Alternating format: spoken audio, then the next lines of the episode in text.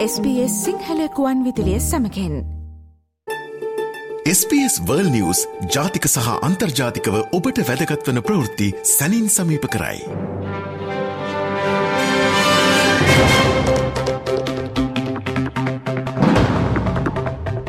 අද සැප්තැම්බර් මාසේ විසි දෙවැනිදා සිකුරාදා ගෙවී යන සතියේ ලෝකය වටේ සිදුවුණු උණුසුම් සහ වැදගත්ත පුවත් සම්පිජනය කරන්නයි දැන් සූදනම් වන්නේ. SBS සිංහල ගුවන් විදිලියේ ලෝවටා විදෙස් විත්ති සමාලෝචනයෙන්. අපි අදත් සම්බන්ධ කරගන්නවා ඒ ප්‍රෝතිජාලය මාධ්‍යවේදී විදෙස් විත්ති වාර්තාකරු අමල් ජය සිංහම් හතා ශ්‍ර ලංකාවේ සිට. අයිබොන්න සුබූදෑසන කමල් අයිබුවන් මදුර හොඳයි අපි මුලින්ම අප අවධහන යොමු කරන්නේ අද දවසේදී ඉන්දියාව සහ කැනඩාව වෙතට මේ වන විට මුළු ලෝකයම අවධානය යොමුවෙලා තියෙන කාරණවත්තම මේ ශීක ක්‍රියාකාරිකයකු වෙඩි තබා ගහතනය කිරීමේ සිද්ධියත් සම්බන්ධයෙන් මේ කැනඩාවත් ඉන්දියාවත් අතර නිර්මාණය වෙලා තියෙන රාජ්‍යතාන්ත්‍රික අර්බුදය. මේ රාජතාන්ත්‍රික අර්බුදේ නවතම තත්ත්වය කොහොමද කියලා අපි මුලින්ම සාකච්ඡා කරමු අමල්. දැන් මේ අර්බුදය කොතරම් උබිදුවලද කියන්නේ මදුර ඊයේ වෙනකොට ඉන්දියාව සඳහන් කළා ඔවුන් කැනඩියානු පුරවැසියන් ඉන්දියාවට පැමිණෙනකොට ඔවුන්ට වීසා ලබා දීම සම්බන්ධයෙන් ඒ කටයුතු මෙතෙක් කැනඩාවේ සිදු කරපු කටයුතු වහාම අත්හිටවනවා කියලා. ඉතින් මේක විශාල රාජතාන්ත්‍රික අවුලක් බවට දැන් පත් වෙලා මේ පිළිබඳ ඇමරිකාවත් කනස්සල්ල පළ කරලා තියෙනවා. ඉතින් මෙතන මුලින්ම මේකට පාදක වුණේ මధుර ජූනි මාසයේ ඉන්දිය සම්භවයක් තියෙන සීක් ජාතිකයෙක්ව වෙඩිතබල ඝාතනය කරලා තිබුණා. මේ ඝාතනය සම්බන්ධයෙන් කැනේඩියානු බලධාරීන් පරීක්ෂණ විමර්ශන කරලා ඔවුන් පසුව ප්‍රකාශ කරලා තිබුණා මේ ඝාතනයට ඉන්දියාවේ RAW එහෙම නැත්නම් Research and Analysis Wing කියන ඉන්දියාවේ විදේශ ඔත්තු සේවාවේ සම්බන්ධයක් මේකට තියෙනවායි කියලා. ඉතින් ඒක කැනේඩියානු අග්‍රාමාත්‍යවරයා ඔවුන්ගේ පාර්ලිමේන්තුවේ මේ පිළිබඳ ප්‍රකාශයක් කිරීමත් එක්ක තමයි මේක විශාල රාජතාන්ත්‍රික අවුලක් බවට පත් වෙන්නේ. ඉතින් ඒකෙන් මුලින්ම වෙච්ච දේ තමයි කැනඩාව මේ RAW සංවිධානයේ ප්‍රධානිය හැටියට එහෙම නැත්නම් ඉන්දිය කොමසාරිස් කාර්යාලයේ සේවය කරපු RAW සංවිධානයේ ප්‍රධානියව ඔහුව රටින් පිටපත් කළා.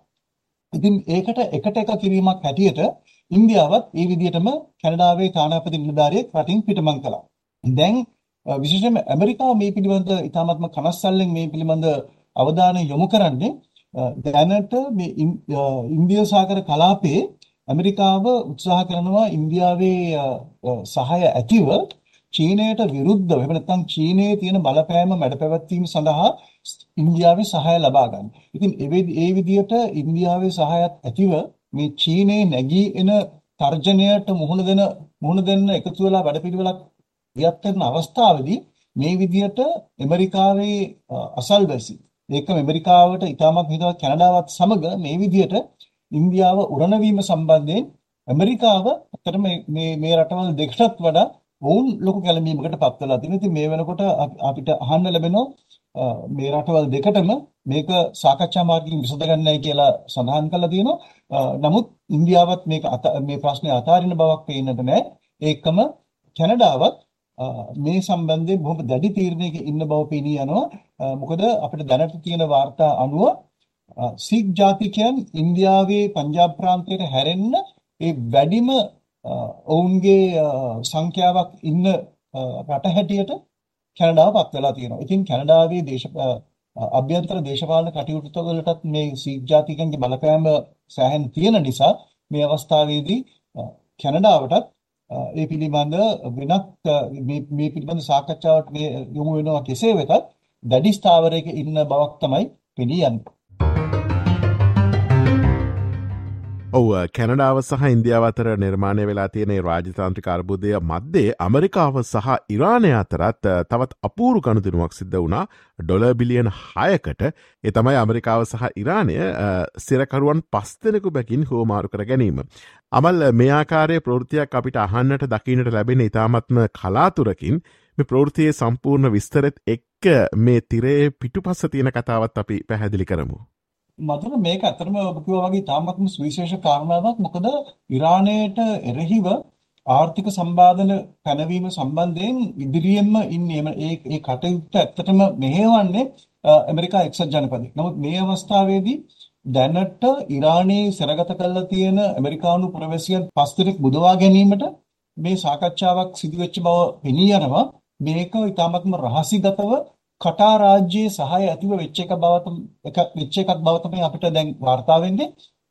මේ ගනුදෙනු ඇත්තට සිද්ධ වෙන්නේ කටා රාජ්‍යයේ පැදිහත් වීම මත ඒ එක්කම දැනට ඇමරිකාවේ විවිධ ස්ථානවල සිරගත කරලා තියෙන එහෙම නැත්නම් නිවාස අඩස්සියට යටත් කරලා තියෙන ඉරාන සම්භවයක් තියෙන පුද්ගලයන් පස් දෙනෙක් මේ විදිහට මුදා හරින්නට තීන්දුව කරලා තිනවා. ඒකම මේ ගනුදෙනුවේ එක කොටසක් වෙන්නේ අර ඔබ කිව්වා වගේ ඩොලර් බිලියන 6ක් එහෙම නැත්නම් ඩොලර් මිලියන 6000ක ඉරානයේ සතු මුදලක් මේක අතත් කියන මේ ෆ්‍රීස් කළ එහෙම නැත්නම් අත්හිටවල තිබිච්ච මුදලක් නැවතත් ඉරානයට ලබා දෙන්න කටයුතු කරලා තියෙනවා. අතරම මේ මුදල අත්හිටවල තියෙන්නේ ඇමරිකා එක්සත් ජනපදයේ නෙමෙයි මේක දකුණු කොරියාව ඉරානයෙන් තෙල් ලබා ගැනීම සඳහා ඔවුන්ට ගෙවන්න තිබිය යුතු මුදල් ප්‍රමාණයක්. නමුත් අර න්‍යෂ්ටික givisුමෙන් ඉරානය අතරම ඇමරිකාව මුලින් එකෙන් ඉවත් වෙනවා. පසුව මේ සම්බන්ධයෙන් ඉරානයත් මේක මේකට අවනත නොවීමත් එක්කලා ආර්ථික සම්බාධක උත්සන්නය කිරීමේ හේතුවක් හැටියට දකුණු කොරියාව මේ ඩොලර් බිලියන 6ක මුදල අත්හිටවනවා. ඉරානයට ගෙවිය යුතු මුදල. නමුත් මේ සිරකරුවන් සුවමාරු කර ගැනීමේ එකඟතාවයේ අනුව ඒ දකුණු කොරියාව අත්හිටවපු ඩොලර් බිලියන 6 එහෙම නැත්නම් මිලියන 6000 ෂණිකයෙන් ඉරානයට ලබා දීමට කටයුතු කරලා තිබුණා. ඉතින් මෙතනදී ඇමරිකාව විසින් ඔවුන්ගේ බාරයේ සිටපු ඒ සිරකරුවන් සියලු දෙනාටම නැවතත් ඉරානයට යන්න අවස්ථාව සලසලා දුන්නත් අපිට වාර්තා වෙන විදිහට ඒ පස් දෙනාම නැවතත් ඉරානයට යන්න එකඟ වෙලා නැහැ. ඒකෙන් කිහිප දෙනෙක් ඔවුන් ඉල්ලීමක් කළා තියෙනවායි කියලා තුන්වන රටකට වෙනත් රටකට ඔවුන්ට ගිහිලා පදිංචි වෙන්න අවස්ථාව ලබා දෙන්න කියලා. නමුත් ඉරානයේ ඉස්සර කළ තිබුණු ඇමරිකානු පුරවැසියන් පස් දෙනෙක්. අතර සමහරුන් ඇමරිකානු පුරවැසිභාවයේ තිබුණාට ඔවුන් ඇත්තටම ඉරාන සම්භවයක් තියෙන උදවිය.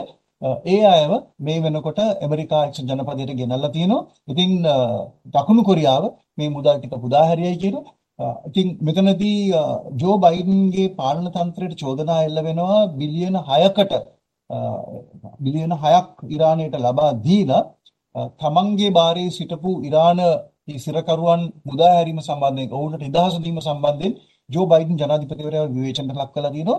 ඒ එක්කම අනිත් පැත්තෙන් තමන්ගේ රටේ පුරවැසියන් වැඩ රටක හිර කරපු අය නැවත තමන්ගේ රටට ගෙන්වා ගැනීම සඳහා ඕගත් උත්සාහයට ඔවුන්ට ඔහුව පැසසුමට එම නැත්නම් මේ බයිඩන් ජනාධිපතිවරයාට පැසසුම් කරන පිරිසකුත් ඉන්නවා. ඒ අතරතුරේ තවත් අපූර්ව කාරණාවක් තමයි ඉරානය කියා සිටිනවා දකුණු කොරියාව මේ මුදල මෙච්චර කාලයක් ඒක ලබා නොදී හිටීම වෙනුවෙන් ඒකට පොලියක් ගෙවන්න කියලා ඔවුන් දැන් දකුණු කොරියාවෙන් මේ පොලි ඉල්ලීමක් කළා තියෙනවා මේ මුදල් පාවිච්චි කරන නැත්නම් මේ මුදල් ඉරානීය ජාතිකයන්ගේ අවශ්‍යතාවයන් සඳහා පාවිච්චි කරනවා කියලා තියෙනවා. ඉතින් මේක තව සුවිශේෂ කාරණාවක් වෙනවා. මොකද 1979ට පස්සේ කිසිම විදියකින් ඉරානයයි ඇමරිකා එක්සත් ජනපදයේ අතර මෙවැනි කිසිම එකඟතාවයක් මීට කලින් නැති වෙලා නැහැ. ඉතින් ඒ නිසාවෙන් තමයි මේ ඉරානයට යම්කිසි විදියකට සහනයක් මේ අවස්ථාවේදී සිරකරුවන් මුදා හැරීම ඔස්සේ ලැබිලා තියෙනවා. ඉතින් ඒක සමහර සමහර හිතනවා මේ දෙරට අතර තියෙන රාජතාන්ත්‍රික ඒ අර්බුදය සමහර විට ඒකට හොඳ සුබ පෙරනිමිත්තක් වෙන්න පුළුවන් කියලා මේ සිරකරුවන් මුදා ගැනීමේ මේ වැඩපිළිවෙල. ඔබ රැඳේ සිටින්නේ ස්පේස් සිංහල ගොන් ඉදිලිය ගෙනන ලොවටා විදෙස් විත්ති සමලෝචනයත් සමගයි අපි සම්බන්ධ කරගෙන සිටින්නේ ශ්‍රංකාවේ සිට ඒෆි ප්‍රතිජාලයේ මාධවේදී විදෙස් විත්ති වාර්තාකරු අමල් ජයසිංහ මහතාව. අපි මීලක අවධානයමු කන බලාපොරොත්තු වෙන්නේ ස්භාවික ආපදාවලට මුහුණ දුන්නු ලෝකයේ තවත රටවල් දෙකක වර්තමාන තත්ත්වය සම්බන්ධයන්නේ තමයි දරුණු ගංවතුර තත්වයකට මුහුණදුන් ලිබියාවේ සහ භූමිකම්පාවකට මුහුණදුන් මොරොක්කෝවේ නවතම තත්වය. අමල් අපි මේ ගැනත් සැකවෙන්න තොරතුරු ඉදිරිපත් කරමු. ඔහමදර මේ රාජ්‍යන් දෙකේම තවමත් සහන සේවකයන්ට සමහර ස්ථානවලට යන්න අවස්ථාව ලැබිලනෑ මොකදේ මාර්ග පිළිසකර කිරීමේ කටයුතු තවමත් සිද්ධ වෙන නිසා. ඒ එක්කම මියගිය සංඛ්‍යාව පිළිබඳ දැන් අපි ගිය සතියේ කතා කරා ලිබියාවේ 11300කට අධික පිරිසක් ජීවිතක්ෂයට පත් වුණායි කියලා. නමුත් මේ බලසිරුරු සියල්ලම සොයාගත්තයි කියලා අපිට තාම වාර්තා වෙලා නැහැ. ඉතින් බොහෝ වෙලාවට ඒ මියගිය සංඛ්‍යාව ලිබියාවේ මේකේ සංඛ්‍යාව තවත් වැඩි වෙන්න පුළුවන් කියන ඒ බිය මතුවලා තියෙනවා. නමුත් ඊට අමතරව අලුත් තර්ජනයකට ලිබියාව මුහුණ දුන්නා. ඒ කියන්නේ මේ මේ ඛේදවාචකයේ වෙච්ච ස්ථානේ ඒ ඩර්නා නැත්නම් ඩර්නා කියන ප්‍රදේශයේ ජනතාව රජයට විරුද්ධව ඒ පාලන තන්ත්‍රයට විරුද්ධව කැරලි ගහන තත්වයට පත් වෙලා දැන් ඒ බලධාරීන් තීන්දුවක් අරගෙන තියෙනවා. මේ ප්‍රදේශයට තියෙන සම්පූර්ණයෙන්ම ඒ විදුලි සංශේෂක සම්බන්ධතා ඒවා తాවකාලිකව අත්හිටවන්න. විශේෂයෙන්ම අන්තර්ජාල පහසුකම්, ඒ වගේම දුරකථන පහසුකම් මේ ප්‍රදේශයට ඒවා කපා හැරලා තියෙනවා. මොකද මේ රාජ්‍ය විරෝධීව නැත්නම් පාලන තන්ත්‍රයට විරෝධීව ජනතාව කැරලි ගහන්න පටන් ගත්ත නිසා. විශේෂයෙන් මේ සහන සේවා අවශ්‍ය ප්‍රදේශවලට ඒවා නිසි ආකාරයෙන් නොලැබීමත් ප්‍රමාණවත්ව නොලැබීම කියන කාරණාව නිසා තමයි මේ විදිහට ජනතාව කැරලි ගහන්නපත් වෙලා තියෙන්නේ. ඉතින් ඒක මැඩපවත්වන්න බලධාරීන් ගත්ත පියවර තමයි මේ විදිහට sannivedanaya ප්‍රදේශයත් සමග තියෙන sannivedana සම්බන්ධතාව සම්පූර්ණයෙන්ම කපා හරින්න. ඒ එක්කම මේ ප්‍රදේශයේ මේ ඛේදවාචකේ වාර්තා කරන්න ගිහිලා ඉන්න ජනමාධ්‍යවේදීන්ට නියෝගයක් කළා තියෙනවා මේ ප්‍රදේශයෙන් වාම ඉවත් වෙන්න.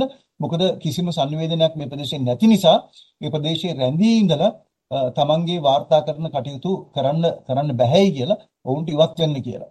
එතකොට මේ ලිබියාවේ තත්ත්වය එහෙම තියෙනකොට අපි බැලුවොත් මොරොක්කෝ වල මොරොක්කෝ වලත් එක්තරා විදිහකට රජය මෙතන මැදිහත් වෙලා විදේශ රාජ්‍යයන් වලින් ලැබෙන සහන සහන සේවකයන් සහ ඒ අනෙකුත් අමුද්‍රව්‍ය ඒවා එක හෙල්ලේ ලබා ගැනීම ප්‍රතික්ෂේප කළා තියෙනවා. ඉතින් මෙතනදී දැන් මොරොක්කෝ රජය ඔවුන් ප්‍රකාශ කළා තියෙනවා ඔවුන්ගේ රජයේ වියදමින් මේ ප්‍රදේශ නැවත පිරිසකර කරනත් ඒ වගේම මේ ජීවිතක්ෂරපත් වෙච්ච පුද්ගලයන්ගේ පවුල් වලට වන්දි ගෙවීමට ඒ වගේ කටයුතු සඳහා ඔවුන් ඩොලර් බිලියන 12ක් එහෙම නැත්නම් ඩොලර් මිලියන 12000ක් රජය වෙන් කරනවා කියලා ඉතාමත්ම දැවැන්ත මුදලක්. ඉතින් මෙතනදිත් මොරොක්කෝ වෙලත් අපිට අනෙක් ලිබියාවේ වගේම සමහර පුද්ගලයන්ගෙන් මේ විපතට පත්වෙච්ච පුද්ගලයන්ගෙන් චෝදනා එල්ල වෙනවා. තමන්ගේ නිවාස පිළිසකර කර ගැනීමට තාමත් ඔවුන්ට හරියට ආධාරයක් ලැබුණේ නැහැ. බොහෝ පිරිස් තවමත් ඒ කූඩාරම් වල හෝ ඒ විවෘත ස්ථානවල තවමත් ඉන්නේ කියලා නමුත් රජය දැන් මැදිහත් වෙලා තියෙනවා මොකද විශේෂයෙන්ම විදේශ ආධාර ප්‍රතික්ෂේප කරලා ඒ රටට එන එන්න තිබුණ ඒ විදේශ ආධාර ලබා ගන්නේ නැතිව කටයුතු කරපු නිසා රට තුලින්ම ලොකු විරෝධයක් එන අවස්ථාවක තමයි මේ විදිහට මොරොක්කෝ බලධාරීන් දැන් සඳහන් කරලා තියෙන්නේ. ඔවුන් රජයේ වියදමින් දැවැන්ත මුදලක් වියදම් කළා මේ නිවාස පිළිසකර කිරීම කර සිදු කරනවායි කියලා එකම මේ ඛේදවාචකයෙන් විපතටපත් වල පවුල් වල ඉන්න දරුවන් සඳහා රජය මැදිහත් වෙලා ඔවුන්ගේ උසස් අධ්‍යාපනය දක්වා රජයේ වියදමෙන් ඒ කටයුතු කරනවා කියන ප්‍රතිඥාව ලබා දීලා තියෙනවා. අපි අවසාන වශයෙන් අවධහනයමු කරන බලාපොරොත්තු වෙන්නේ බ්‍රතාන්නේ රාජකීය පවුල වෙත ඔබ දන්නවා හැමදාමත් පුවත් මවන පවුලක් බවට බ්‍රතාන්‍ය රාජකීය පවුල පත්වෙලා ඉන්නවා. තුන්වන චාල්ස් රජතුමා මේ වන විට ප්‍රංශය සංචාර කෙදමින් පවතින්නේ ඉතිං මේ සංචාරය මොකක්ද මේ සංචාරය ප්‍රතිඵලමනුවද කියලා අමල් අපි අවසාන වශයෙන් තොරතුරු ඉදිරිපත් කරමු. මදුර මෙතනදී චාල්ස් රජු ප්‍රන්සයට යන්න තීන්දු කළ තිබුණේ මීට මාස 6කට කලින් චාල්ස් රජුරුවෝ ඔටුන්න ලබාගත්තට පස්සේ ඔහු මුලින්ම යන්න තීන්දුව කළ තිබුණේ ප්‍රංශයට. ප්‍රංශය සහ බ්‍රිතාන්‍යයේ ඉතාමත්ම කිට්ටු සම්බන්ධතාවයක් තියෙන රටවල් දෙකක් මේ රටවල් දෙක කිට්ටු සම්බන්ධතාව තියෙන අතරතුරේම යම් මත ඉතාමත්ම සමහර අවස්ථාවලදී ද්විපාර්ශ්වික ගනුදෙනුවලදී බොහොම ආందోලනාත්මක දේවල් එහෙම නැත්නම් එකිනෙකා සමග එකඟ නොවන අවස්ථා බොහොමයක් තිබුණා.